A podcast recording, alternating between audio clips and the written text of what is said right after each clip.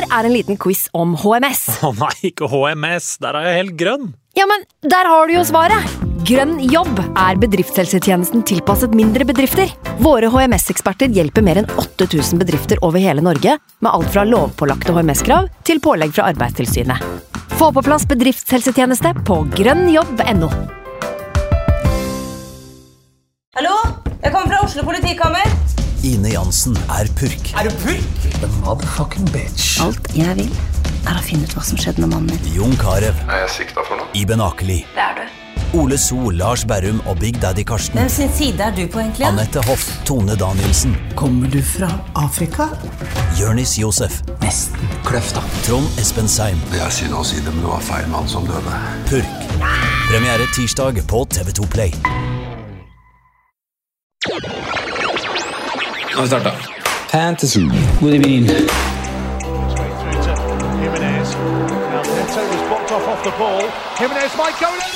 through to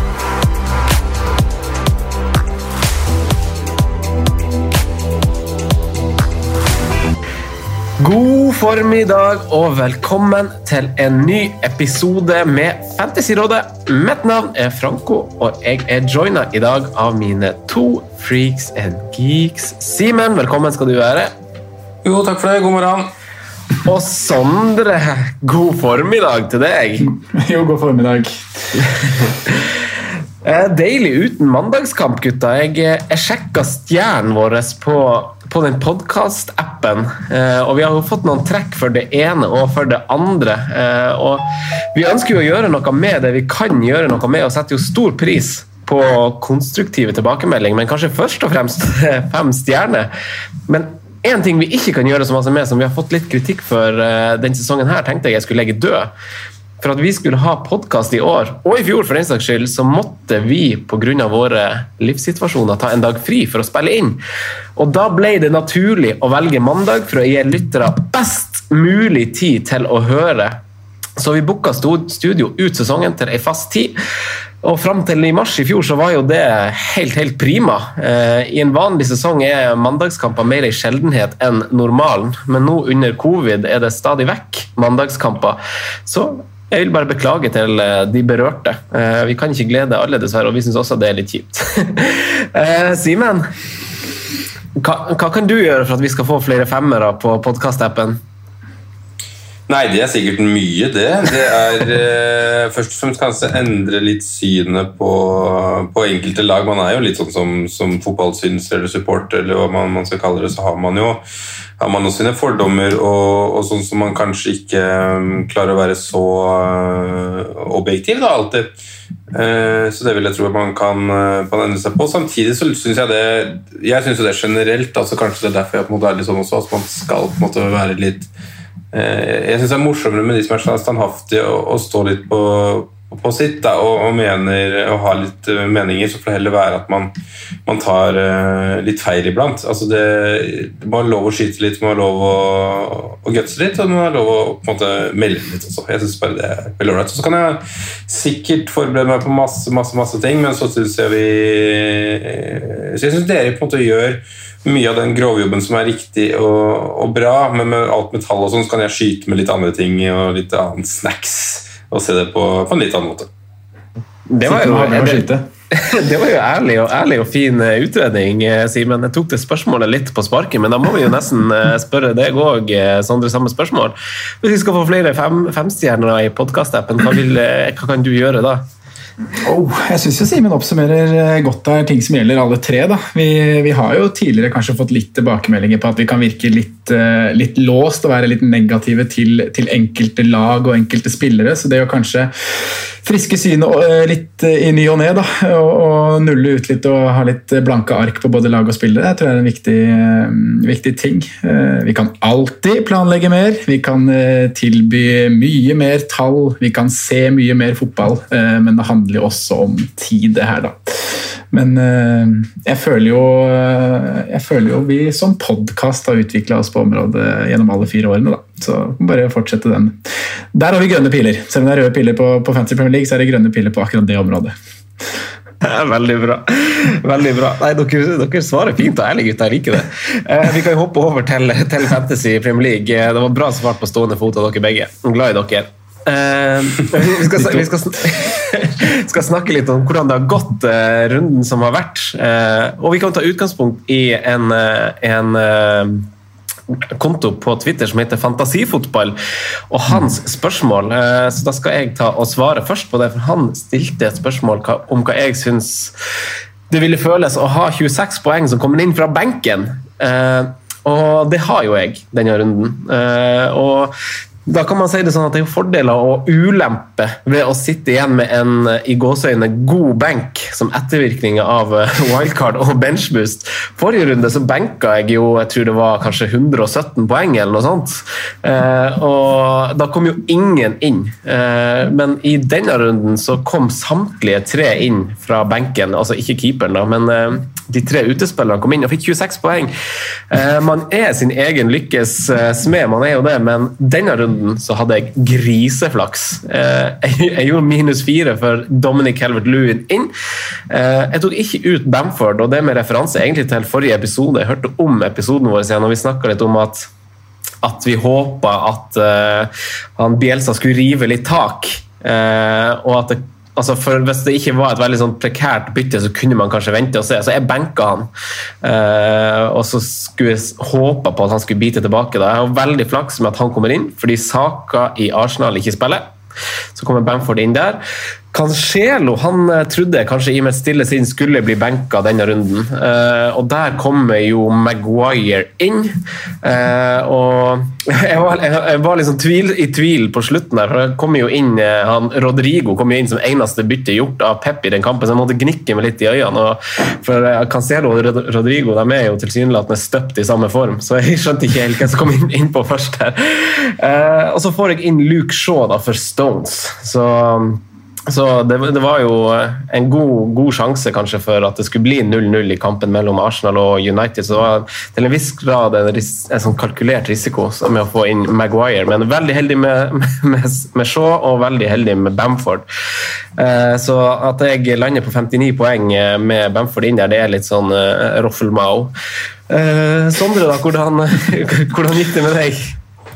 Nei, jeg havner på, på 50-tallet, jeg da. Uh, 55 ble det. Uh, er uh, Skal vi se, må tenke hva jeg gjorde. Jeg hadde jo en plan om å gjøre Harry Kane inn for, for Patrick Bamford, som vi også snakka mye om i, i, forrige episode. Jeg syns det er fint å dra det opp, Franco, for vi vi tok en runde på Bamford i synsundersøkelsen. At han hadde sett litt mindre involvert ut, ikke hadde blitt fora like mye som han har gjort tidligere i sesongen. Men vi sa også det at det trenger nødvendigvis ikke å være et prioritert bytte. Uh, har du mulighet til å gjøre uh, Bamford til Kane, uh, så gjør du det. Nå ble jo ikke det aktuelt med Kane sin skade. og så sa jeg vel også at Dominic Calvert-Lewin er også verdt å ta en pønt på. Men bortsett fra det så er spisslandskapet, som vi skal snakke mer om uh, seinere i dag, det er det er så vanskelig å bli klok på. Det går opp og ned, eh, som de villeste berg-og-dal-baner gjør. Så eh, jeg lot da Bamford være på laget, eh, men var en av de som benka han.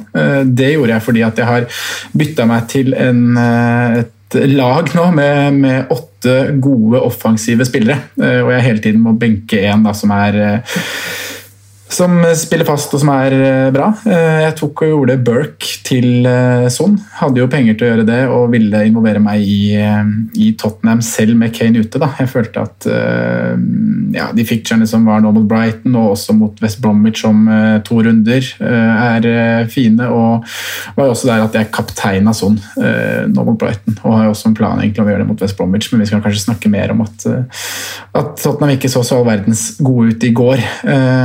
Men da ender jeg med Bamford på benk, eh, og det som gir meg poeng, er vel eh, ja, Martinez, da, men kan man si heldig ti poenger. Jeg har jo Diaz i tillegg til Stones, jeg fikk jo åtteren på, på han. Uh, Rafinha får igjen med seg en assist, og Salah sin 15 poenger.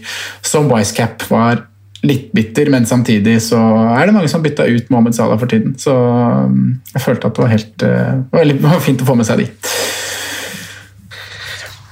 Det er fint med, med Ruben Diaz denne runden. For de som gikk den veien. Man, man skal jo, man skal jo bli belønna. man skal jo bli belønna for sånne ting. Altså, vi som har valgt Cancelo, og kanskje til og med Stones, må jo være innforstått og ha akseptert at det her kom til å skje. Kan ikke være veldig bitter for det. Jeg, jeg tar det egentlig med et smil og, og rester litt sånn oppgitt på hodet av at, det, av at det skjer. Men man vet jo at det kommer, eh, og det er jo bare å se på sesongen som har vært. Eh, så det er Fortjent. Eh, Simen, eh, du har jo hatt det litt tøft i det siste, men denne runden så fikk du eh, Fikk du børsta litt av skuldrene og kommet deg opp på, på hesten igjen her? Ja, det var utrolig lettende å, å få den uh, si, forløsningen der, altså. På, på den runden her. For det har vært, vært måte veldig langt nede sånn uh, de to siste rundene for to runder siden. Spesielt med at man bommer veldig på, på triple captain, samtidig som at et par endringer i, i, i, terminlista gjør at hele Benchbus-planen går til, til, uh, til dundas. Og, og som jeg satte egentlig laget mitt helt opp ned, for jeg sto i et lag som jeg skulle wildcarde meg ut men som jeg måtte begynne å spare wildcardet for å komme meg gjennom neste dobler og sto som, som jeg står som jeg, står, som jeg står fortsatt, med, med, 15 spillere med verdi. Jeg får liksom ikke kvitta meg med én uten at det liksom koster meg minus fire, etc. Um, denne runden slår jeg litt tilbake, men også med Guds lykke, holdt jeg på å si, som, som, dere, med at jeg får inn Patrick uh, Bamford for en uh, Sadio Mané, som plutselig er, uh, er skada egentlig uten rapport. Eller var vel noen løse rykter kvelden før. Men det var ikke veldig mye informasjon der. liksom ikke så mye å, å få gjort med. Heldigvis kommer Bamford inn med, med 15-poenger. Så er det jo en klassisk FBL-runde i løpet for denne sesongen. her. Da. Jeg ser jo wildcard med både Trippel City, som ikke starter, der ute. Så det er jo en helt sinnssyk sånn runde, og folk har jo åtte-ni mann, for det er en del sjokkerende benkinger. Eh, så jeg ender på 73 minus 4 poeng. Eh, dobbel Villa defensiv. Fundamentet har jo på en måte vært veldig bra. Jeg sjekka akkurat i stad når jeg tok inn Matt Target. Jeg har hatt et sinnssykt run på han. Jeg satte den i runde 13 før Burnley hjemme. Og har jo 6, 6, 6, 2, 1, 6, 12, 4, 6 på, på Matt. Så det er jo veldig bra return der. Det har på en måte blitt min sånn Han er jo eid fortsatt, han nærmer seg 10 men han var jo ikke eid så så mange da jeg plukka han inn, inn, der. For veldig mange har vært på Mings Konsa. Eh, det har vært veldig mye Konsa over Target som jeg ikke har, den har ikke jeg forstått, for å være helt ærlig, selv om noen har sagt at Konsa tydeligvis skal skåle på dødballer, dødballer. Men jeg har fortsatt ikke sett den sammenligningen der. Så var det godt å treffe på kapteinen igjen. Da. Jeg kan ikke huske sist jeg gjorde det. Og det Mohammed Salah, en veldig rar sesong, har liksom ikke sett on fire ut, men ligger an til, eh, til 30 mål. Det er helt sinnssykt hvor, hvordan den mannen er foran mål. Altså. Eh, så, så, det var godt å slå tilbake, men samtidig så, så, treffer jeg jo ikke på de endringene jeg gjør. Da. Altså Jeg setter jo inn eh, Luca Dign med ett poeng, og jeg setter inn Phil Foden med, med tre poeng. Så det glir jo ikke Eh, på de endringene man gjør, selv om det, det, det er jo først og fremst fire mann som, som, redder runden. Det er fire mann jeg har som får poeng, resten blanker. Så, så man er redda av, eh, av en Patrick Bamford som står opp fra døden, og en Mohammed Salah som er eh, en Mohammed Salah. Eh, Sondre, mm. eh, du skal få presentere dagens kjøreplan, tenkte jeg. Men først så har vi et spørsmål å stille deg fra Kobe Kubein eh, på Twitter.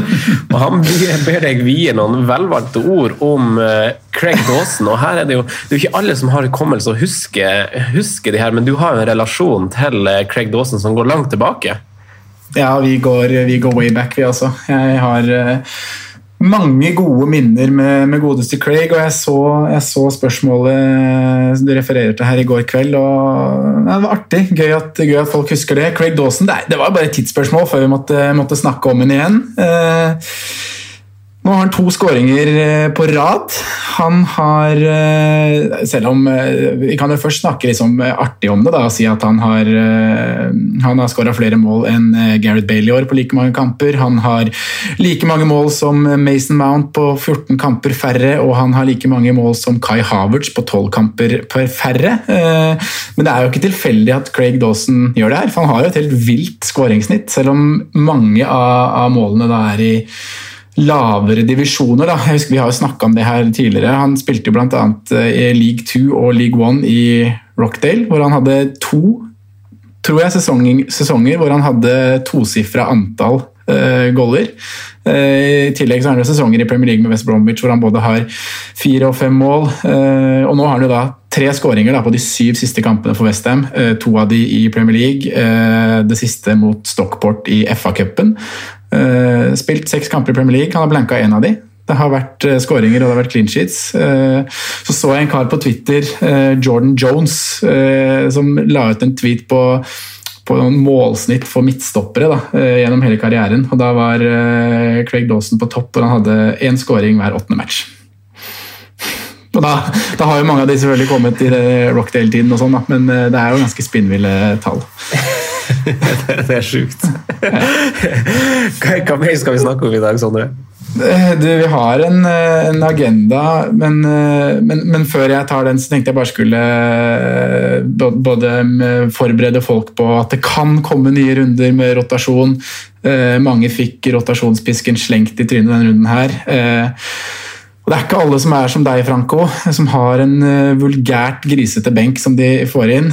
For mange så ødelegger det rett og slett Gameweeks. Jeg kikka litt i våre ligaer.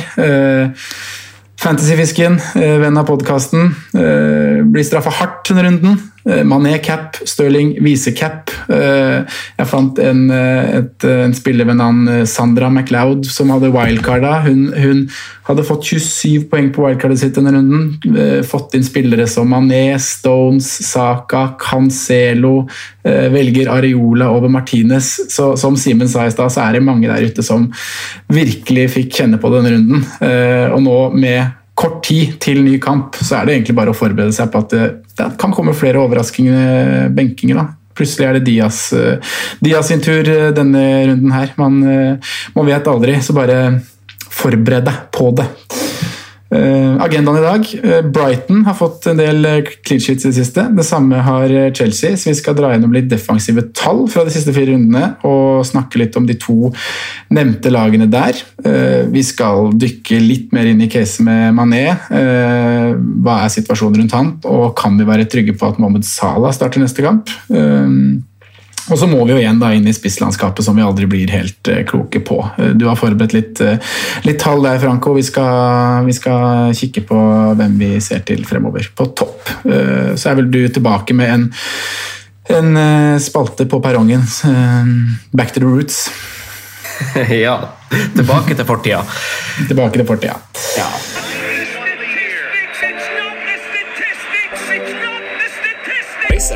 skapt flest store sjanser hele sesongen. Når det kommer til skudd og skudd i boks og skudd på mål, har nesten expected goals conceded.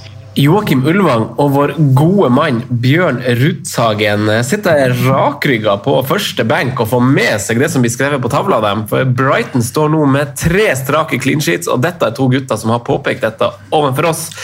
Eh, Sondre, jeg vet at du også her har forberedt en liten something something eh, om eh, om disse to lagene som uh, har kommet litt ut av det blå. Ja. ja, du kan si det. Tre, tre clean sheets ut av det blå, ja, Frank og Fin. Tre clean sheets eh, på rad for eh, Brighton der. Og Chelsea også har vel nå har vel tre, tre clean sheets i løpet av de siste fire rundene. Nå med ny manager. Eh, mye rotasjon og, og, nye spillere inn den, den, eh, runden her, så vi kan jo snakke litt mer om det etter jeg har tatt litt defensive tall. Eh, Kikka litt på sjanser, imot, nei, sjanser imot det. Eh, skudd i boks imot, og XG da, totalt på, på, de siste fire rundene. Eh, og sett hvilke lag som kommer godt ut av det, og hvilke lag som ikke kommer så godt ut av det. Eh, hvis vi starter med store sjanser imot, siste fire gameweeks, der er det Manchester City som er det beste laget. De har sluppet til én stor sjanse på de siste fire rundene, og de siste fire rundene for City er vel også fem kamper. Så, så meget godt levert av det lyseblå fra Manchester, som også har fått med seg fem clean sheets, vel? Fire clean sheets, slapp inn mål mot, uh, mot Chelsea. Uh, Arsenal, Franco, laget ditt, nummer to på lista. Så følger Liverpool og da nevnte Brighton uh, på en delt tredjeplass med fire store sjanser imot de siste fire rundene. Etter der så er det en fin rekke lag med, med fem store sjanser imot. Westham United, Manchester United, Leicester og Leeds Chelsea de har sluppet til syv store sjanser og ligger da liksom midt i, i smørøyet på lista. Det er få store sjanser som skiller de lagene her. Noe overraskende er kanskje, kanskje Leeds, da, som, eh, som er på, på, delt fjerdeplass med flere lag her. Men da er det jo viktig å, å, nevne det at eh, når jeg har tatt utgangspunkt i de fire siste rundene, så betyr jo det at Leeds på de fire rundene bare har hatt tre kamper. Eh, så viktig å lese litt bak tallene sånn sett. I motsatt ende så vi, finner vi de lagene vi trodde kom til å være der, egentlig. Fullham, verstingen, kanskje litt overraskende. Vi har jo snakka om at de har sett litt bedre ut, men slipper jo da til store sjanser.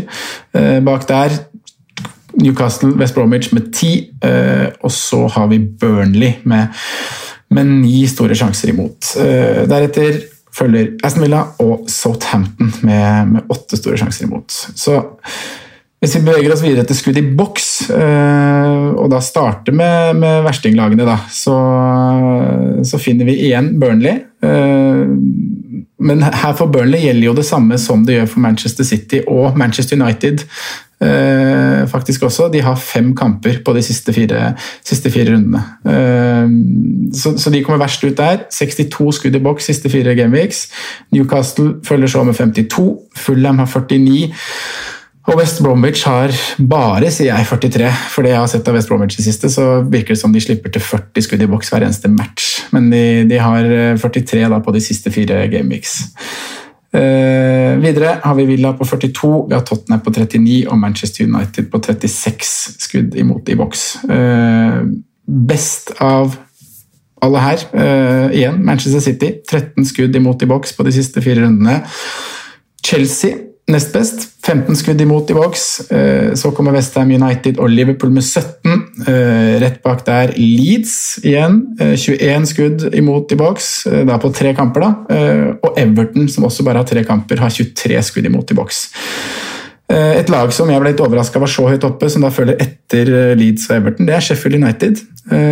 25 skudd imot i boks. Har jo hatt de, har fire kamper da, på de siste fire gameweeks, men møtt både lag som De har møtt begge Manchester-lagene, så både City og United, og de har også møtt Spurs. Så litt spennende med, med, Sheffield United der er det en liten bedring å spore. Vi har jo også sett at de har sett litt bedre ut i matchene, så et lag å følge litt med på, da, kanskje, når vi skal ja, eh, videre fictures. Uh, Brighton, tilbake til de. De er midt på lista her. Uh, eh, 28 skudd imot i boks. Men det som er litt spennende med Brighton, da, er at de har tredje lavest XG av alle lag, siste fire. De har en XG på 3,20. City er best på 1,65. Så er det Chelsea faktisk som er nummer to på 2,80. Så lagene vi har fått spørsmål om, både Brighton og, Chelsea, de er inne på, på topp tre av uh, beste lag da, når det kommer til expected goals conceded. Og Brighton har i den perioden her de har møtt lag som skaper sjanser. De har møtt både City, de har møtt Spurs, de har møtt Leeds. I tillegg til det så har de jo Fulham i kanskje den enkleste av de fire matchene.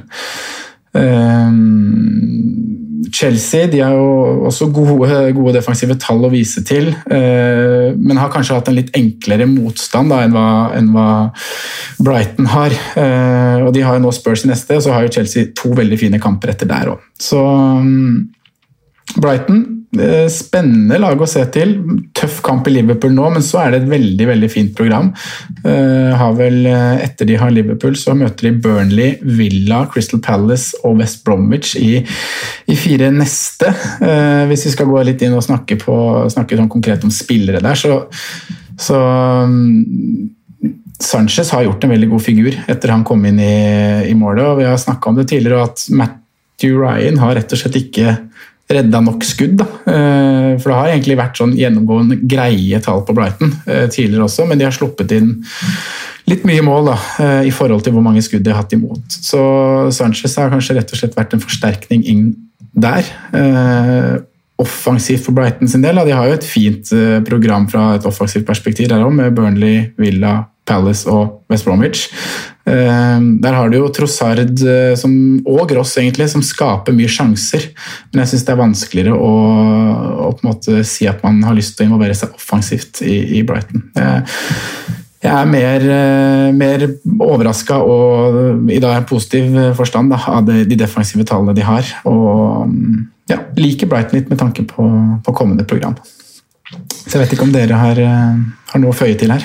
Jo, jeg tenkte at Simen kan få uttrykke si mening om, om Kanskje vi, tar, vi dekker Brighton først, før vi går over til, til Chelsea. Simen, nå, nå, er det jo det er en potensiell keeper her da, i billigklassen billig som har kommet fram, og det dras vel fram også av spørsmålsstiller Bjørn, som jo er på post. Uh, hva, hva, tenker du om, om Brighton? Er det, det, er jo et lag som er litt vanskelig å forholde seg til sånn historisk sett. Er det nå sånn at vi, vi er blitt litt klok på det? Jeg føler egentlig motsatt, jeg, at man ikke blir noe, noe, særlig klokere. Nå så ikke jeg fulle matchen riktignok, men jeg så kampen mot Spurs i, i, går. Der ble jeg på en måte overbevist, men det har jeg sett før av Graham Potter. hvor han, Måten han trylla på, som jeg har pratet med et par ganger, hvordan han utmanøvrerte Spurs over i fjor på White Hart Lane, uh, og, og trilla egentlig over dem White helt alene, sier jeg. Uh, Tottenhams nye stadion. Uh, hvordan de på en måte trilla ut de der. Og jeg syns jo de var til tider mot Spurs helt fenomenale, for å være helt ærlig. Altså de Måten de noen ganger ruller opp angrep, spesielt skåringa f.eks., det, det er jo klasse offensivt, rett og slett. men jeg har sett litt etter på, på Sanchez. Jeg syns, selv om han har holdt litt nuller, og litt sånne ting, jeg syns han ser litt shake ut. Sondre kan sikkert nevne litt mer om keeper der, men jeg syns ikke han ser sånn supersolid ut. da. Jeg er fortsatt veldig sånn skeptisk til hvem, hvor god han, han er. Uh, defensivt, med tanke på at uh, det eye candy der, da, med Lamptey er ute, så er det på en måte ikke noe sånn åpenbart hvem som, som uh, jeg syns ser best ut. Jeg hadde jo Ben White som årets billigforsvarer. Ikke treffer helt uh, innertier der, men uh, uten Lamptey, som på en måte er den som i hvert fall ser best ut når han er på, når han har vært skada nå, så, så vil jeg ikke hvem jeg ville prioritert. da, For jeg er helt ærlig på hvem jeg skulle fått inn av den gjengen der. Ben White, Webster, Louis Dunk. altså jeg, jeg, blir ikke sånn kjempegira på det. Offensivt så er det jo egentlig vanlig Brighton. De rullerer litt. Plutselig er det Lalana ute, så er det Mopé ute, så er det Trossard benken et par matcher. Altså Det er veldig uforutsigbart, føler jeg. Men jeg syns jo det er Trossard hver gang han spiller, som ser ut som den spilleren som har, har det ekstra.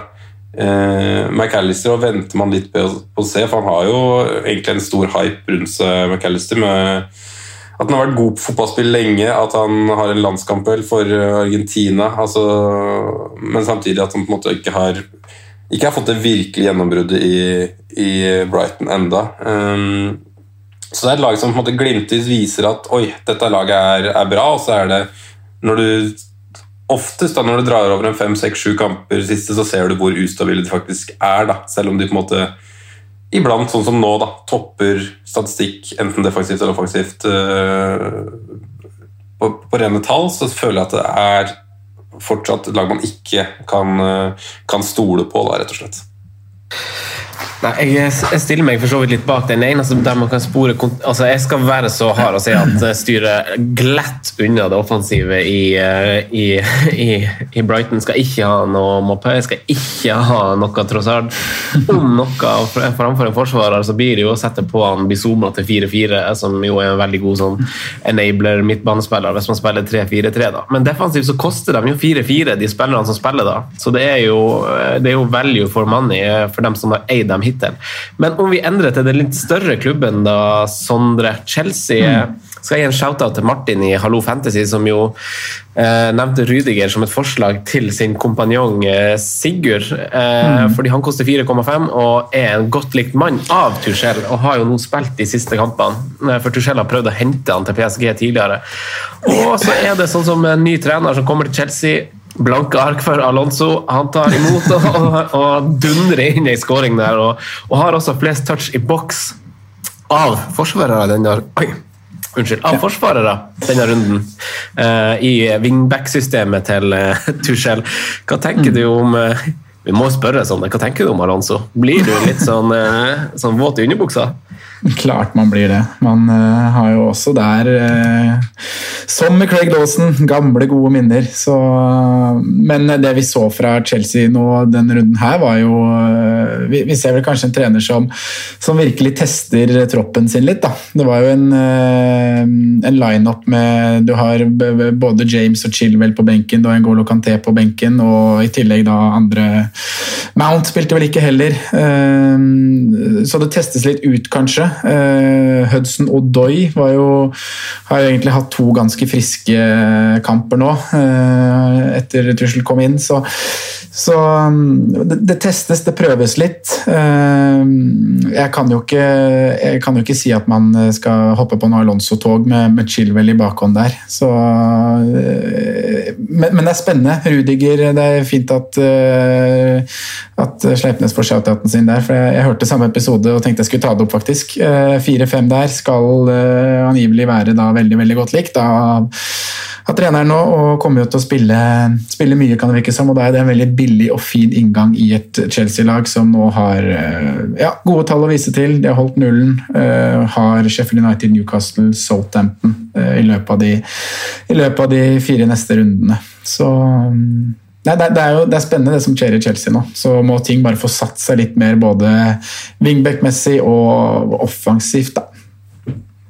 Jeg, så jo... jeg må få skyte inn der eh, med, med at eh, jeg, jeg syns jo du er veldig inne på noe i stad, Sondre, når du nevner på en måte de to kampene vi har sett med, med Tyskland nå, da, på en måte hva han har møtt. Mm. Uh, Wolverhampton er på en måte generelt en, en tøff motstander, sånn sett, men kanskje først og fremst vanskelig å bryte ned, altså de også sliter med. Mm. Men uh, det er jo ikke noe sånn kjempebombe når man møter Wolverhampton og, og Burnley nå, at man holder to nuller. For å være helt ærlig da, Man må, må se litt bak, uh, bak, resultatene. Og hvis man skal tenke lang sikt da, med, med, med Thomas Tyschel, så tror jeg jo ikke at det er først og fremst defensivt man, man skal gå. da. Han er jo en offensivt uh, en manager som, som, mye heller tar 6-1 enn 2-0. Um, så um, Samtidig som Rudiger blir noe helt annet hvis han viser å være fast, men akkurat den er 4-5. Og samtidig, hvis Alonso skulle spille seg fast, samtidig så velger man jo ikke Alonso når, når, motstand, når, når han konkurrerer med, med Ben Chilwell om plassen. Altså, alle vet jo at han da spiller jo ikke 38 matcher. Han er jo kanskje kanskje ligaens eh, beste venstreback, godeste Benjamin. Så, mm, så jeg ville vært litt skeptisk altså, med, med, å kaste inn eh, Chelsea-forsvarer, selv om de har på en måte murt igjen nå nå to, Da, da syns jeg timingen er dum. Da skulle jeg hatt med meg Burnley hjemme. hvis jeg skulle, skulle gjort det nå. Jeg, jeg, hadde ikke gjort det før, før Tottenham og Sheffield borte. Altså. Det syns jeg, jeg, er veldig rar og, og, og merkelig timing, selv om de har 2-0 på rad. Jeg syns dere, dere drar, det, drar, fint gjennom det. Jeg så pressekonferansen til han Tuchel. Eh, og det er jo som du sier, Sondre, han har vært starta jo i tieren i den første kampen, og så på benk nå. Pulisic starta ikke Siek, han var ikke med i kamptroppen engang denne gangen. Eh, og jeg så han Tuchel, han sa jo etter kampen så sa han at uh, han er veldig fornøyd med kvaliteten på troppen og intensiteten på trening, så det gjør det veldig vanskelig å ta ut lag. Men på den andre sida gjør det det veldig enkelt, fordi han vet at, uh, at gutta stiller opp når det trengs. Så det er som dere sier, at han er, vil nok kanskje teste litt framover. og det er jo litt vanskelig. Sånn, sånn, vi hadde jo kanskje ikke snakka nok om det, hvor tett kampprogrammet faktisk er nå i januar. Det er jo nesten som jula all over again. Det er midtukekamp og helgekamp og midtukekamp og helgekamp, så det vil jo være litt eh, rotasjon. og Da er kanskje Rudiger sånn sett, og Mendy i målet, eh, de trygge valgene å kanskje gå for hvis man skal sikte seg inn mot Chelsea sånn sett. Men eh, vi går videre i eh, programmet vi da, gutta, og, og snakker litt mer om eh, det du nevnte på agendaen i stad, Sondre. Der er vi tilbake. Eh, Simen, Nøden lærer naken kvinne å spinne. Og Simen, det har gått en smule kaldt over laget ditt i form av eh, skadesituasjon. Så jeg håper du har riktig go Altså at du har valgt en god ullvariant, kanskje, og godt strikketøy som eier av Mané og Bamford. Altså, det er flagga spillere, men uh, vi, vi, dekker Mané og kanskje Liverpool-situasjonen først, og da henvender vi oss til deg. Uh, hva skjer med Mané, og kan vi stole på at Sala starter på onsdag? Ja, Det ordtaket der tror jeg faktisk jeg har hørt før. Det er sjelden du bruker ordtak to ganger, Franco, men den mener jeg at jeg har hørt av deg i podkast tidligere. Eh, Sadio Mané kom jo litt som en sånn bombe. Det var noen løse rykter om at det var en, en trøkk. Eh, jeg har egentlig ikke fått så mye mer info om, uh, om han, ja. uh, så jeg sitter litt på gjerdet og skal følge med fram til, fram til deadline. Håper jo veldig gjerne han skal få med seg Brighton hjemme, selvsagt, når man sitter på Sitter på godeste Sadio, um, så, så, da vet jeg ikke så mye. Bamford, så håper man jo også at han blir igjen. Der er det vel en Var det ikke rett og slett en krampe? Uh, som var årsaken uh, til at han på en måte er usikker. Det vil jeg jo tro. Ja, jeg vil jo på en måte tro han kommer seg igjen. Samtidig så er jo disse Leeds-gutta kjørt kjørt hardt. Da, og Mange av de står jo ofte 90 også. Eh, han gjør jo ofte sånn bytte sånn halvveis, men det er jo ofte på den derre Jeg vet ikke hva jeg skal kalle den rollen, egentlig. Altså, eh, den Rodrigo-rollen, gamle Pablo Hernandez-rollen, den er litt sånn vanskelig å definere i det Leeds-laget, syns jeg, men det er ofte den som blir bytta ut. da. Um, altså Det brenner jo litt sånn, sånn overalt, men, uh, men det er jo, jeg jo har vært inne, Det er en lang sesong sånn sett, da, med at uh, det er litt tightere eh, generelt, og den pustepausen Det minst travle programmet er vel egentlig det som akkurat har vært, som ikke tar helt feil, med tanke på januar etter den massive, massive desember. Må man ta med litt klype salt, for man har ikke sjekka alle datoer og antall, antall hviledager og sånn, men det kommer jo litt tettere akkurat, uh, akkurat nå, da. Så det, man må jo på en måte rett og slett bare uh, sitte litt på I en sånn periode som det her, så må man liksom bare sitte litt på Twitter og grave litt på på, på, hva man får av nyheter og pressekonferanser. Sånn, en del av trenerne er jo relativt åpne om det. Uh, og Jeg fant en konto som jeg ikke har i farta nå, men man kan leite litt på skal, Det skal, kan jeg legge inn på, på Patreon og sånt. Den uh, kontoen som var fin, som oppsummerte hele pressekonferansen og sånn. Um, jo, hvor var det jeg sonderte meg til å prate om nå? Um, nei, jeg satte meg litt ut av hva jeg Sala, egentlig Sala og Mané. Sala skulle jeg til, ja. Jeg ser ingen grunn til at Sala skal benkes nå, etter at man på en måte bommer med det med, med Burnley-inngangen. Uh, samtidig som han er eh, den eneste omtrent som skårer mål om dagen, uh, så ser jeg egentlig ingen grunn til at han skal benkes mot, uh, mot Brighton. Altså, da ble jeg veldig, veldig overraska. Det blir jo spennende å, å følge deadline day i dag. Da. Nå jobbes det jo med ulike varianter. Nå, er det jo, nå har vi vært rykta til halve Europas midtstoppere.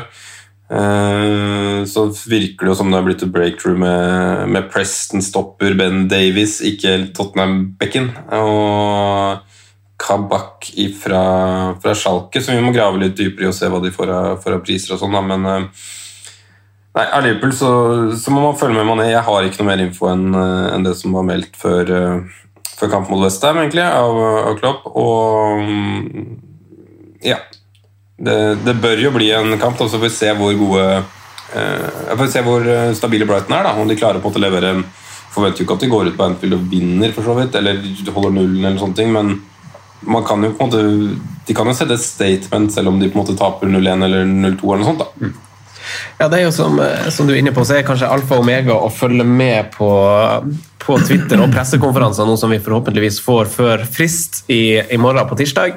Eh, det er vel en runde i dag, er det ikke det? Med pressekonferanser? Jo, altså Arteta har snakka nå. Han, eh, og han sa jo om Saka og Lacassette for de som eier de, at de har ikke trent hittil. Med, med Lacassette så er det liksom greia med en sånn hodeskade at han må gjennom diverse kontroller før altså Det er en sånn protokoll som må godkjennes, da. Eh, men han tror at han skal være klar. Saka gjenstår å se på dagens treningsfelt hva, hva, som skjer, for de har ikke trent før han snakka i pressen. Så noe mer svar eh, er det tvilsomt at vi får. Mindre med vi følger med på treningsbilder på nettsida. Det pleier jeg å gjøre når jeg blir uh, usikker nok, så går jeg på nettsida og ser på, på å spore treningsbildene til folk. Uh, men Sondre, det er jo ganske åpenbar kaptein kanskje med Sala denne runden. Du lar deg ikke skremme av en frykt for benk når han ble benka for to kamper siden det, Burnley, spilte mot Burnley.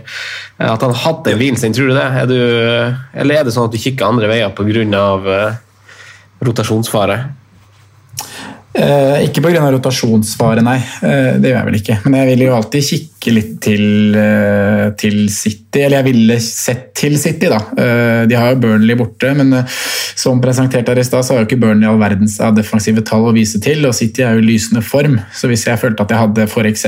Stirling, da, som vil til 90 minutter nå, eller en annen City-spiller jeg var- trygg på å kapteine, så, så syns jeg jo den er, er en veldig fin picture også. Men det er ikke rotasjon som tar meg vekk fra, fra Sala. Jeg har bindet på han jeg akkurat nå. Det eneste er jo Brighton sine, sine defensivt gode tall, da. Eh, Og en bedring å spore der som, som på en måte kan, eh, kan tenkes at det, det, det kan gjøres litt vanskelig for Liverpool, men vi har jo også sett det her tidligere, at Potter har har uh, røra det til. Da. Eh, og Nå hadde han en tøff kamp i går. Eh, kanskje han eh, allerede før kampstart mot Liverpool eh, Ikke at han har gitt opp, da, men at han sender ut på et lag der som Han lar, han lar eh, sentrale spillere få hvile litt. Så har de jo en vel så viktig match mot Burnley eh, allerede på, på lørdag igjen. Da. At han eh, kan rett og slett hvile litt spillere til den Burnley-kampen bare fordi han tenker at Liverpool borte, den tar vi ikke uansett.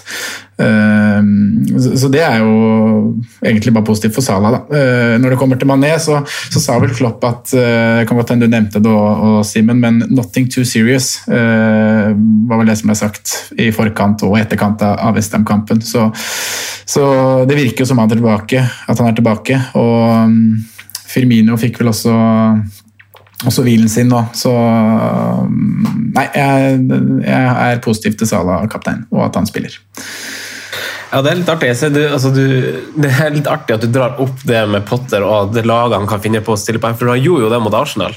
Så Ja. stilte han jo et sånn der eh, Det var også rart, for Arsenal var i så dårlig form også. da, Så stiller han liksom tilnærma B-lag i serien. Skjønner ingenting. Uh, så det er jo veldig sånn Det skulle ikke overraske om han gjør noe merkelig på Anfield heller, nei. Nei, det det, Han har gjort eh, rare ting før. Ja, han har det. Han gjør det titt og stadig, egentlig. Så, så nei, nei det, jeg eh, står også egentlig last og brast ved, ved Sala der. Eh, Det er ingen grunn til å, til å endre mening for min del, egentlig. Eh, Vi har fått se litt på de ta Sala-tallene òg, hvordan han ligger an. Bare se litt sånn sammenlignings... Ligningsmessig. I fjor så spilte han 2800, eller 2900 minutter med 19 skåringer. I år er han 15 på 1650 minutter. Han ligger jo an uh, Han er ikke helt oppe på 17-18-rekka. altså Han ligger ikke helt i skjema på det, men han ligger jo an til 25 pluss her. Altså det er jo eh, Han har jo levert mm, statistikkmessig en helt fantastisk sesong til nå. Mm. Og det, han er jo på en måte jeg tror alle da som sitter og ser på, på Liverpool, ser på Sala og, og sånn, sitter og tenker på at han har et gir ekstra inne. Han har ikke liksom slått ut helt til blomst i år. Og så sitter han, nå er jeg toppskårer i Premier League og, og bør jo tas enda mer med alvor som kapteinsemne enn det han hadde blitt gjort de siste rundene. Selv om han kanskje har nå hatt den lengste streaken med Premier League-kamper uten skåring. Det er for så vidt eh, et, et godt poeng, eh, det. Eh, Vi, vi hopper over et, ledd fram i banen og til spisser. Jeg har forberedt litt å snakke om sånn sett. For jeg har lyst til å si at Litt som vi snakka om i høst, det har vært et sånn tilbakevendende tema, spesielt kanskje billigspissrollen. Og vi har vært litt sånn på å snu kappa etter vind. Skal man gjøre det? Skal man bare kjøre en sånn stick or twist-rolle, siden det har vært eh, så uforutsigbart hvor eh, poengene faktisk kommer, da. Eh, men fakta er, vel, fakta er vel at timing har mye å si, og det å treffe riktig, og finne nøkkelen til hvordan man skal treffe riktig, er, riktig, er jo det vanskelige. Eh, hvis vi starter med den mest eh, populære spilleren bytta inn denne runden, som er Callum Wilson, som jo kanskje gjorde det Dominic Calvert-Lewin eh, kanskje Eller altså det vi håpa fra Dominic Calvert-Lewin denne runden, så ble det en liksom motsatt greie der. Eh, han skåra jo nå. Han hadde målgivende i forrige kamp, mens han før det hadde fem blanks på rad og én kamp ut, ut med skade, så seks, seks runder uten noe poeng. Og så er det viktig å påpeke at Wilson i, i dette programmet da møtte han lag som eh, Villa, Arsenal, Leicester, Liverpool og Sheffield United, og så var han ute mot eh, Manchester City. Så, så hvis det er én ting som man kan eh, kan si om Callum Wilson, så er det en viss kontinuitet å spore til han faktisk, eh, både nå denne sesongen, men også tidligere, eh, leverer mot antatt svakere motstand. Eh, og så har vi Bamford, som nå skårer en 15-poenger til mange store glede og andres frustrasjon. Men han hadde jo tre blanks i de tre foregående rundene, som var mot Tottenham, Brighton og Newcastle. og Det er jo kanskje her frustrasjon kommer fra, for man blir jo litt skuffa ved den første blenken mot et antatt dårlig lag hvor man forventer poeng. da, Og så, og så renner begeret over og, og, mot, mot, Newcastle der, og han blir bytta ut etter 59 minutter. så Man skjønner jo frustrasjonen da, for da er terskelen lav for et lite kast. Eh, og så er det kanskje den mest frustrerende spilleren eh, på topp, for min del i hvert fall, men som på sett og vis kanskje har vært den beste, og det er jo Watkins eh, Eller ikke den beste, det er han ikke, det er jo Bamford uten tvil. Men Watkins er frustrerende fordi han brenner jo stadig alle sjansers mor, eh, egentlig hver kamp. og Han blenker den ene kampen etter den andre, men så har man allikevel trua, fordi han stadig vekk er på riktig plass til riktig tid. Og Han spiller jo i et veldig godt lag og er sånn sett også fint prissatt. Og viser jo denne sesongen at han har et relativt høyt tak, som kan vises med tre ganger tosifra sum. Eh, de to siste jeg har valgt å, å, legge litt fokus på, er jo Dominic, som vi mange satte inn før denne runden her. og det er litt sånn vi visste ikke helt hva vi skulle sette på, for han har vært skada. Everton har blenka. Vi visste ikke helt hvor vi hadde Everton nå når spillere faktisk har returnert. Men eh, plages, de plages jo litt fortsatt, åpenbart. Færrest store sjanser skapt, med én de siste fire kampene sine, ifølge Fantasy Football Scout. Null clean sheets å spore i samme periode, og fem færrest, femte færrest skudd i boks i samme periode. Så er, de har en jobb å gjøre i Everton, og, og sånn jeg ser det, for, som Dominic Calvert Lewin seier, så gjenstår det bare én sjanse for han. Uh, Che Adams han har blenka i åtte av sine ti siste kamper på banen. Uh, det skal sies han har kommet inn litt som innbytter her og der. Han hadde jo en skade som var tilsynelatende litt stygg en uh, periode. Sondre, hva, hva, tenker du om, om spisslandskapet vi har nå? Nei, jeg, det er vanskelig å bli klok på spisslandskapet som vi har nå. Og jeg er jo litt sånn du innleder jo med her, om man skal om veien å gå kanskje bare er å, å velge seg tre og så stå litt i det. da. Og det, det får man jo litt, litt svar på nå med, med Bamford, som som hadde en eh, trekampers, firekampers eh, streak der uten scoring. Hadde noe assist mot West Bromwich, men det så liksom litt dølt ut. Men, men, så er han tilbake igjen, da. Eh, og det samme har vi jo sett i, i, i Watkins og, og gjennom, gjennom, perioden. Nå sitter jeg med Antonio. Han eh, drar du vel ikke opp her som en, en, et alternativ, holdt jeg på å si. Jeg vet jo, Du har han, du har han jo selv. ja, jeg har litt på han òg. Jeg tenkte bare, jeg, måtte, jeg ville ikke snakke så lenge, så jeg ville, jeg ville ha litt innspill her. Nei. Eh, men det også er jo en, en spiller som eh, på en måte har levert bra i dobbeltrunden og hadde en meget god kamp mot Crystal Palace, selv om han får lite betalt. Uh, Gjøre noe tøff mot Liverpool nå, så kommer jo tre ganske fine kamper med, mot Villa Fulham og, og Sheffield United. Så Uh, nei, jeg, jeg, Det er vanskelig å konkludere. Uh, min plan nå var egentlig å ta ut Bamford, uh, men det tror jeg jo kanskje jeg dropper. Dominic Calvert-Lewin, ikke overbevist. Jeg har jo hatt han gjennom hele perioden, Det var jo ikke en av de som bytta han på nå. men jeg har jo litt sånn bestemt meg for at han får en sjanse til nå mot et Leeds-lag som gjennom sesongen har sluppet en del sjanser, selv om de har vært bedre nå de tre siste matchene. Uh, men han, han, får den. Everton plages, som du sier. Men uh, etter den kampen så, så, ser jeg jo på en slags 3-5-2-løsning. Altså bytte enten Calvert eller da kanskje Bamford til billigere, og så, og så legge pengene med på midtbanen, hvor, det, hvor jeg syns det er flere spennende eller kanskje flere stabile da, alternativer å gå for, som du, som du kan være litt tryggere på å levere jevnt. Jeg kan ta den uh, Antonioen også. Jeg så, jeg så Phillips fikk mye skryt etter kampen mot Westham som stopper for Liverpool der, men uh, det var ikke en femteplass på Premier League-tabellen med syv strake uten tap som møtte opp i går. Uh, så jeg skal våge å påstå at det først og var en dødssvak opptreden fra, fra Moyes og Westham, egentlig heller enn skryt til forsvaret til Liverpool i den kampen der. og de møter jo nå clean shit-laget Villa, som har falma litt når det gjelder defensive tall, og var heldig som slapp mot skrekken mot eh, Danny Ings og co. Så uh, Antonio han beholder jeg Jeg vet ikke om jeg ville ha kjøpt han, men jeg beholder han. Det er ikke noe, det er ikke noe tvil. Uh, jeg så litt på hvordan spisser man eventuelt skal bytte inn. Så ser jeg jo f.eks. Watkins, da, som jo er en av de spissene som har et par hengekamper, eh, som derav kan bli et populært bytte på sikt, men også fordi kampprogrammet til, til eh, Aston Villa nå etter hvert blir ganske greit.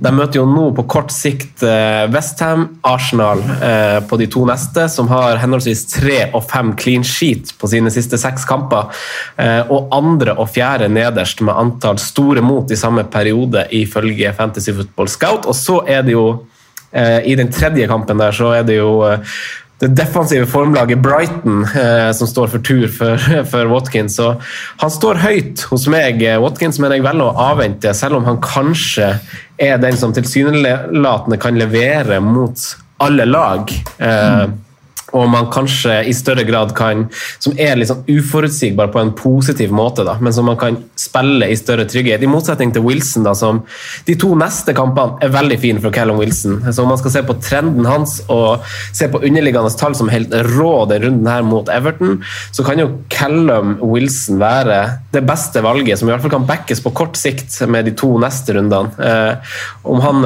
om han blenker de to rundene, så kan du i hvert fall eh, si at, si at eh, så kan, du, så kan du i hvert fall si at uh, favøren var på min side den gang da, da jeg bytta han innpå. For uh, han har gode sets mot sånne lag og møter som sagt uh, to fine motstandere nå for, for, Callum Wilson. Og han er den fjerde mest eide på, nei, spissen på spillet, så han kan mm. gjøre skade dersom du ikke har han.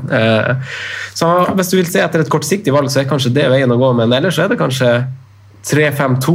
Eh, vi snakka vel om det i forrige episode også, Simen, at uh, det kan være et landskap for det nå med så masse uforutsigbare spisser. Ja, altså jeg, jeg syns jo det, hvis man på en måte kan velge helt fritt og, og ha på en måte litt sånn flex, og det er 3-5-2 som, som, på en måte er den gode vinen nå.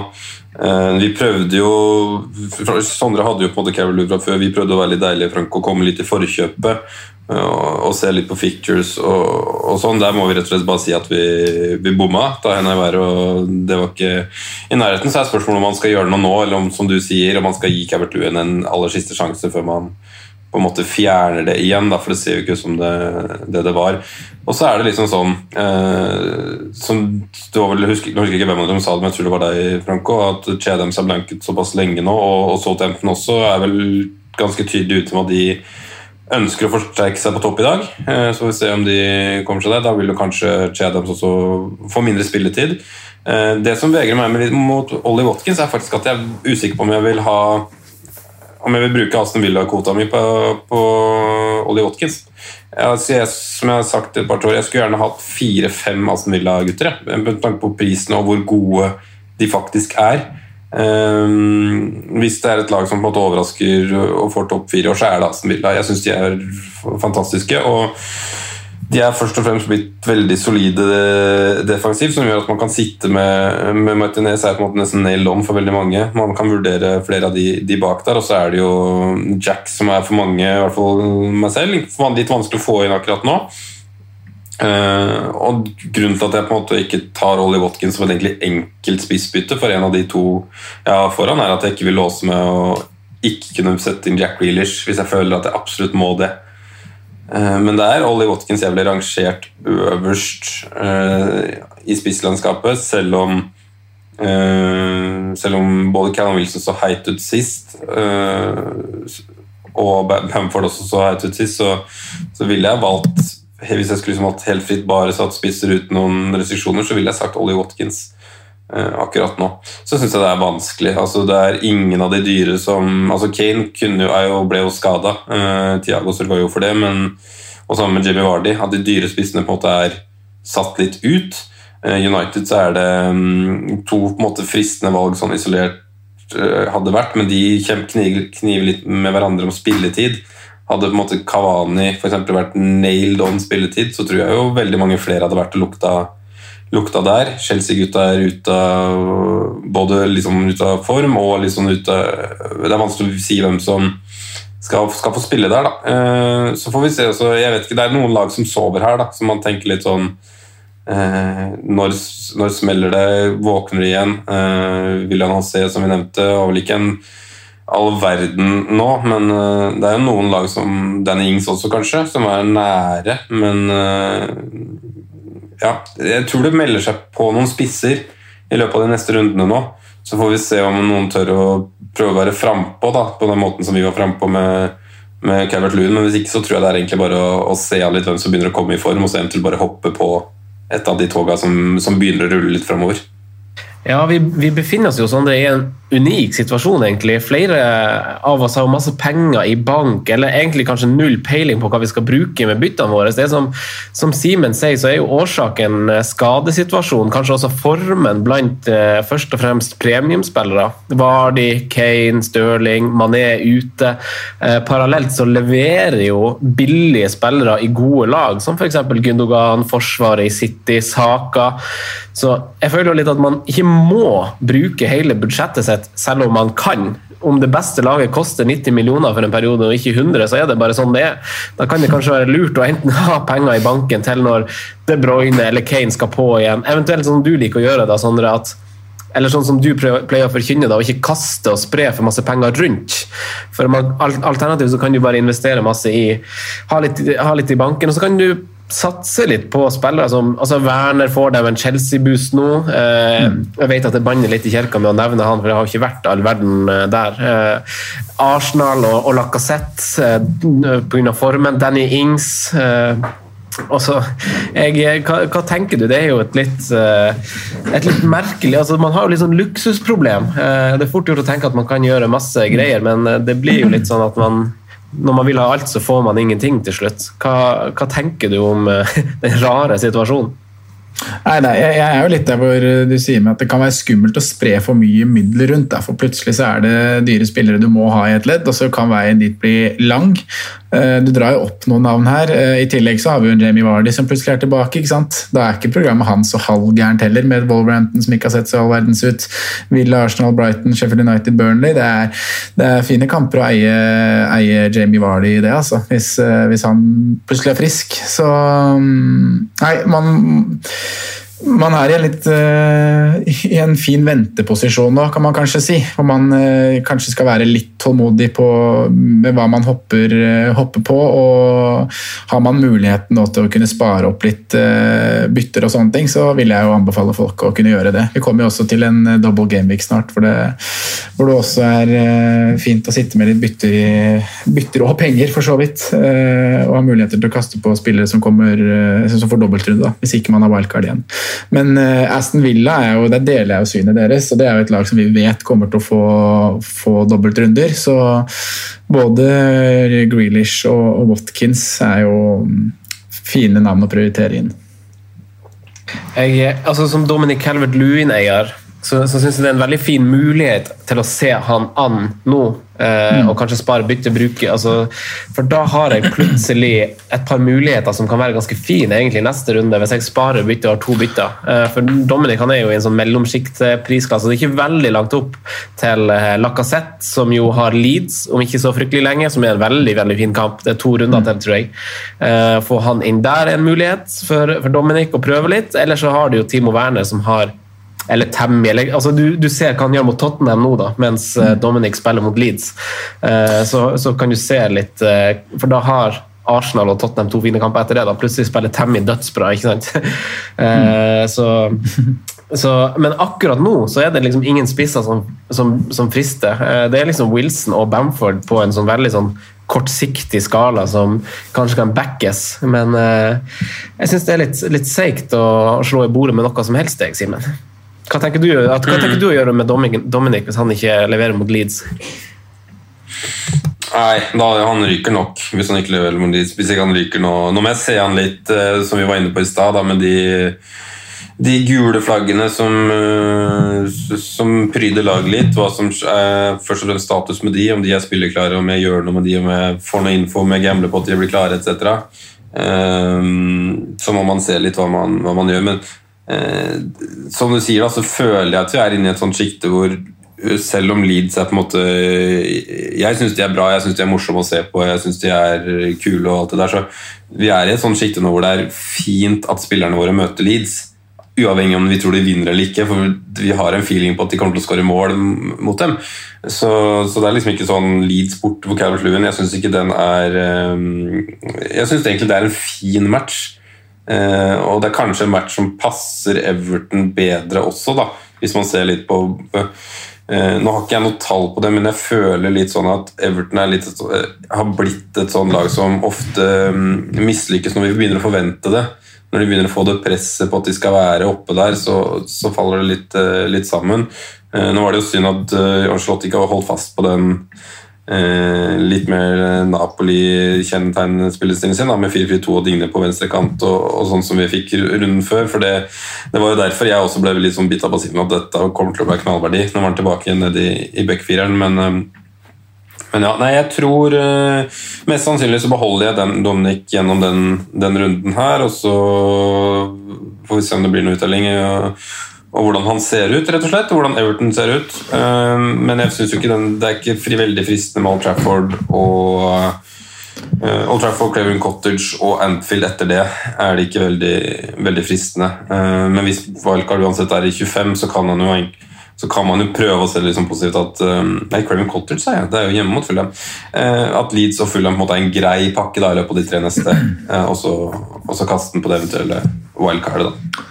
Sondre, har du noen noe siste ord før vi går til våre spalter om hva du tenker om Dominic og eventuelt eh, 3-5-2 og hva du tenker? Altså, det er en veldig fin, jeg synes Denne runden er en veldig fin runde for det jeg tror er for de fleste egentlig å spare bytte, og da sitte med to mm. bytter inn mot runden til helga, egentlig.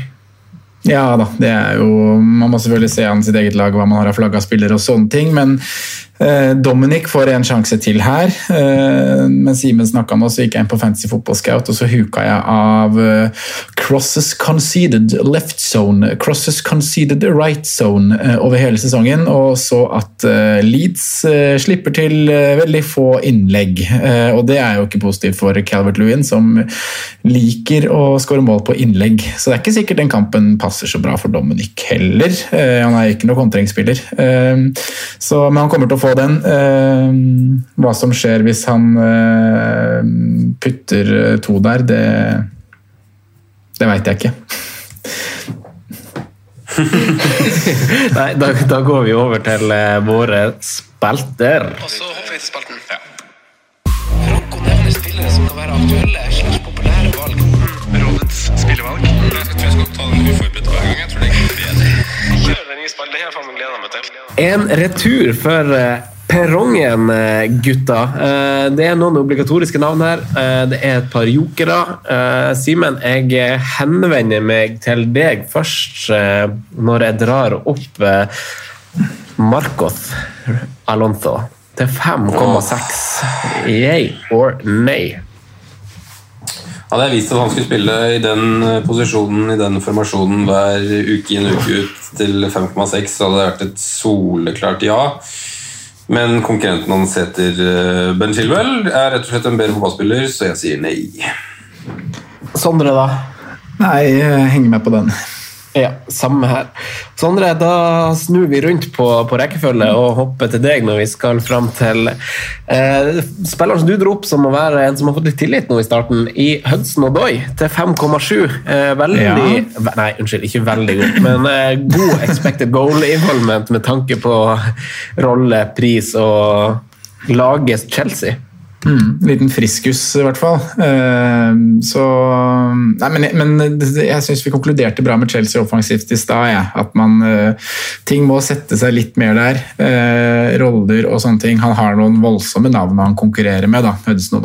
Så jeg håper ikke på den enda. Men det er jo litt sånn som uh, Simen sier om Alonso. Hvis man vet at Hudson Odoi til 5-7 skal spille mer eller mindre fast i Chelsea i den posisjonen med det programmet de har, så er jo det veldig, veldig fint. Men uh, det blir nei takk. Det er for mange gode spillere han uh, konkurrerer med. Og ting må sette seg mer offensivt i Chelsea. Mm. Du da, Simen? Nei, han ofrer ikke mange tanker, altså. Nei. Nei. Eh, neste Simen da er Callum Wilson. Steg i verdi natt mm. til mandag i dag. Eh, hva sier du til han? At han er en jævla snik. Mm, han er det.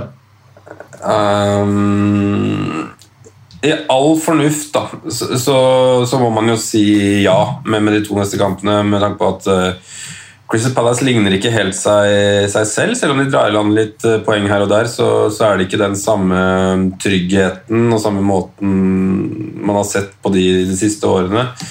Uh, og at det er Southampton også etter det, som for så vidt har vært bra i år, da, med, med, med all respekt. Men, men Southampton og Crystal Palace hjemme i en dobbeltpakke ser jo, høres jo fint ut. Men um, Og Wilson med, med, tre målpoeng på de to siste, så, så, så, sier jo alt fornuftig at man skal si ja, men eh, jeg ikke jeg har ikke trua rett og slett på, på den Newcastle, og, og, at de kommer til å være på en måte eh, gode i tre matcher på rad, f.eks. Nei, jeg har ikke trua i det hele tatt, så jeg sier nei. Sondre, da? Nei, jeg har vel heller ikke trua på at Newcastle skal være gode i tre kamper på rad. Men uh, casen med Colin Wilson er at han er en meget meget god avslutter. Og han trenger jo, som Stats viser, ikke veldig mange sjanser for å skåre mål. Uh, uh, avslutningen det er selvfølgelig veldig, Han kommer jo alene mot, mot Pickford der, men avslutningen er veldig god på siste, siste goalen i helga.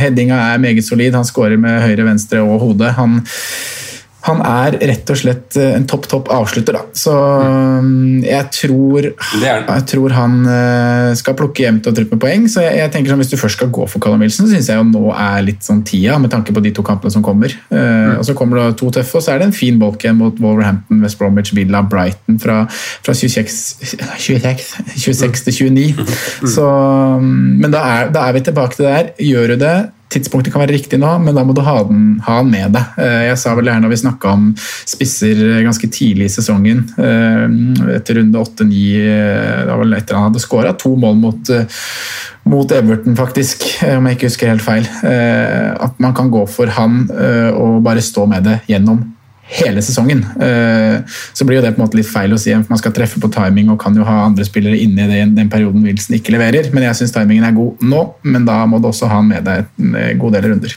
Mm. Ja, det er jo veldig, veldig gode slag å slå fram på kort sikt. Eh, og Vi nevner jo Southampton, men tidspunktet å møte Southampton på er jo veldig fint. Ganske dårlig form. De har de har de siste fire kampene de har spilt flest store sjanser mot seg sammen, Fulham og, og West Bromwich. De har uh, delt fjerde mest skudd mot seg i boks, uh, så de slipper til mer enn uh, det de har hatt for vane å gjøre, spesielt i, i, i høst, med, da mange var på McCarthy og Kyle Walker Peters og sånn, de var bra. Mm. Så akkurat nå er timinga fin, og det er til, kampen er jo bare til helga allerede, så det er ikke så masse som, som kan snu så fort, tenker jeg. Så jeg tenker at det, det er riktig å satse på Wilson kortsiktig. Og, så når det tøffe programmet kommer, så får man eventuelt ta det problemet da. Om man vil stå med han eller har den luksusen til å bytte han ut. Mm. Uh, siste spiller, uh, Simen, er jo en, en, defensiv spiller som har uh, seks clean sheets på sine syv siste kamper. Bernt Leno til fem blank. Mm. Hva tenker du om han? Jeg satt og, Når jeg har vært på de wildcard-draftene mine, som jeg har hinta til at jeg har på en måte vurdert å trigge de siste rundene, så har jeg vært på den, den tanken om at kanskje det er riktig å gi slipp på Martinez for å få rett og slett gå en billigere forsvarer i, i Target. Uh, få på Jack Rillish og Ollie Watkins. Og da har Leno vært en av de som på en måte hadde vært tiltenkt å kunne eventuelt ha den keeperplassen. Uh, litt med at han er uh, Jeg vil jo si han er riktig prisa, da, men at han er en sånn fin kategori. Uh, kan egentlig stå litt sånn overall. overall. Arsenal har jo vært brukbar i, i toppkampen også, og er på en oppegående kurve, så um, så ja, jeg sier, jeg sier go til den, jeg.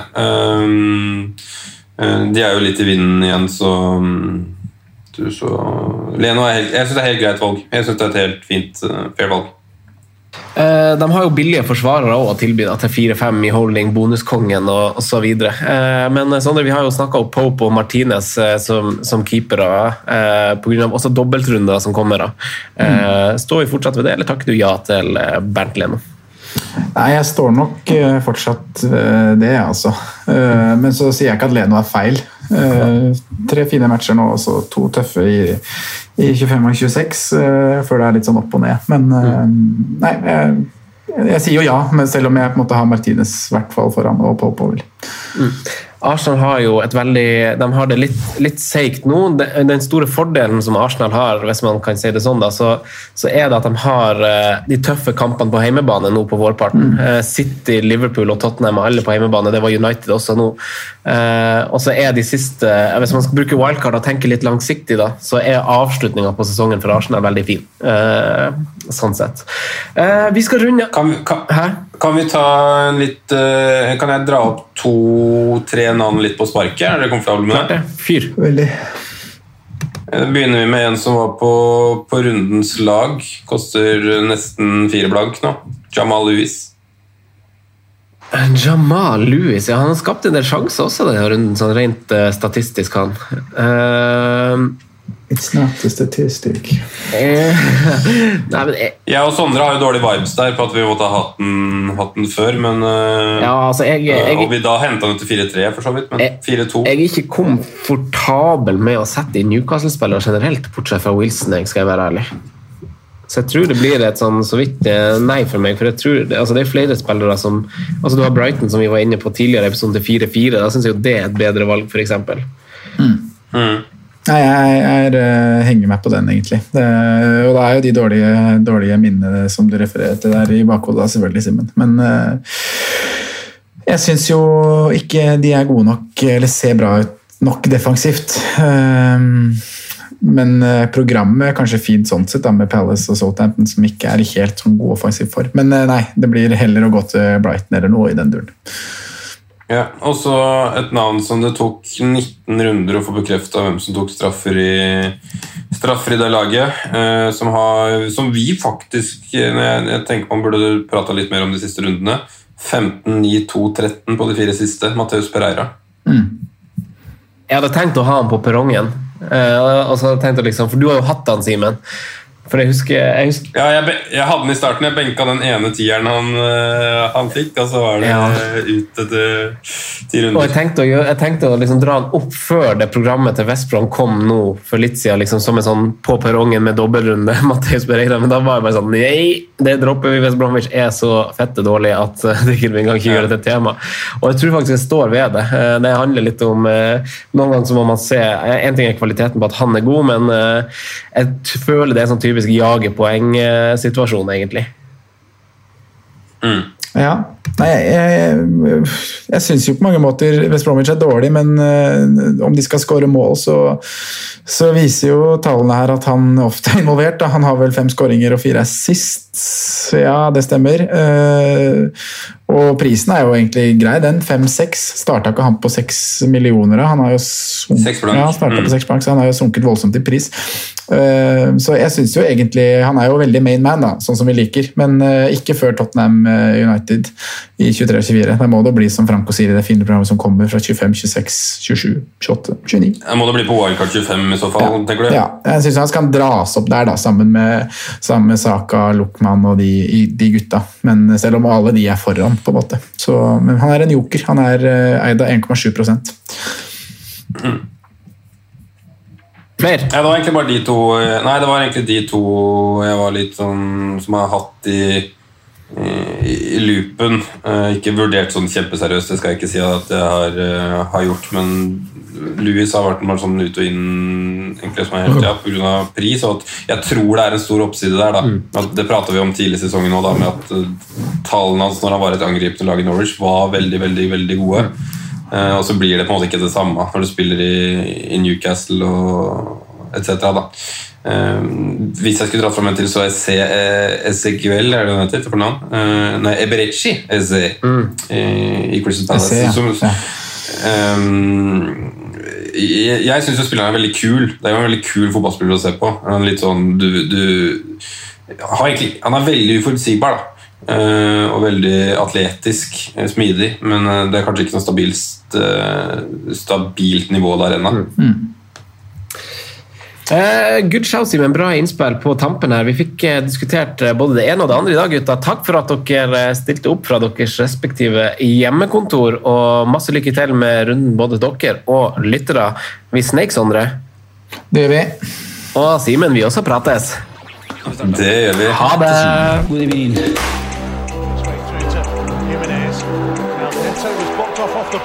Jimenez might go in. God evening.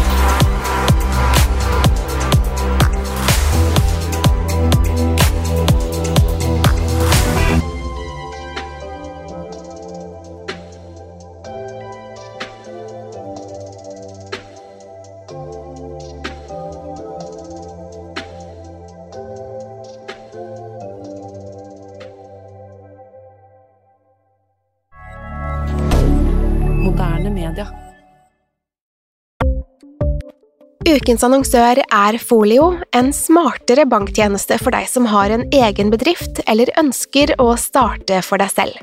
Folio er en superenkel nettbank for bedrifter. Som kunde i Folio får du en bedriftskonto med et bedriftskort og app.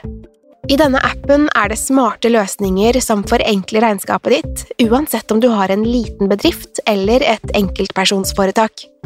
Folio er både intuitivt og brukervennlig, og er laget med et enkelt språk. I tillegg tilbyr de forutsigbare priser og ingen skjulte gebyrer.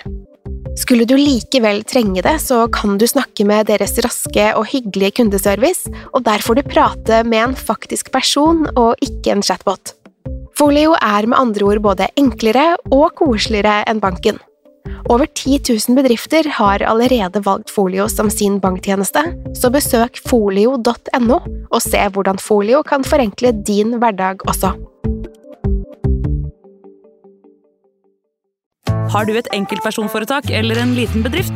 Da er du sikkert lei av å høre meg snakke om hvor enkelt det er med kvitteringer og bilag i fiken, så vi gir oss her, vi.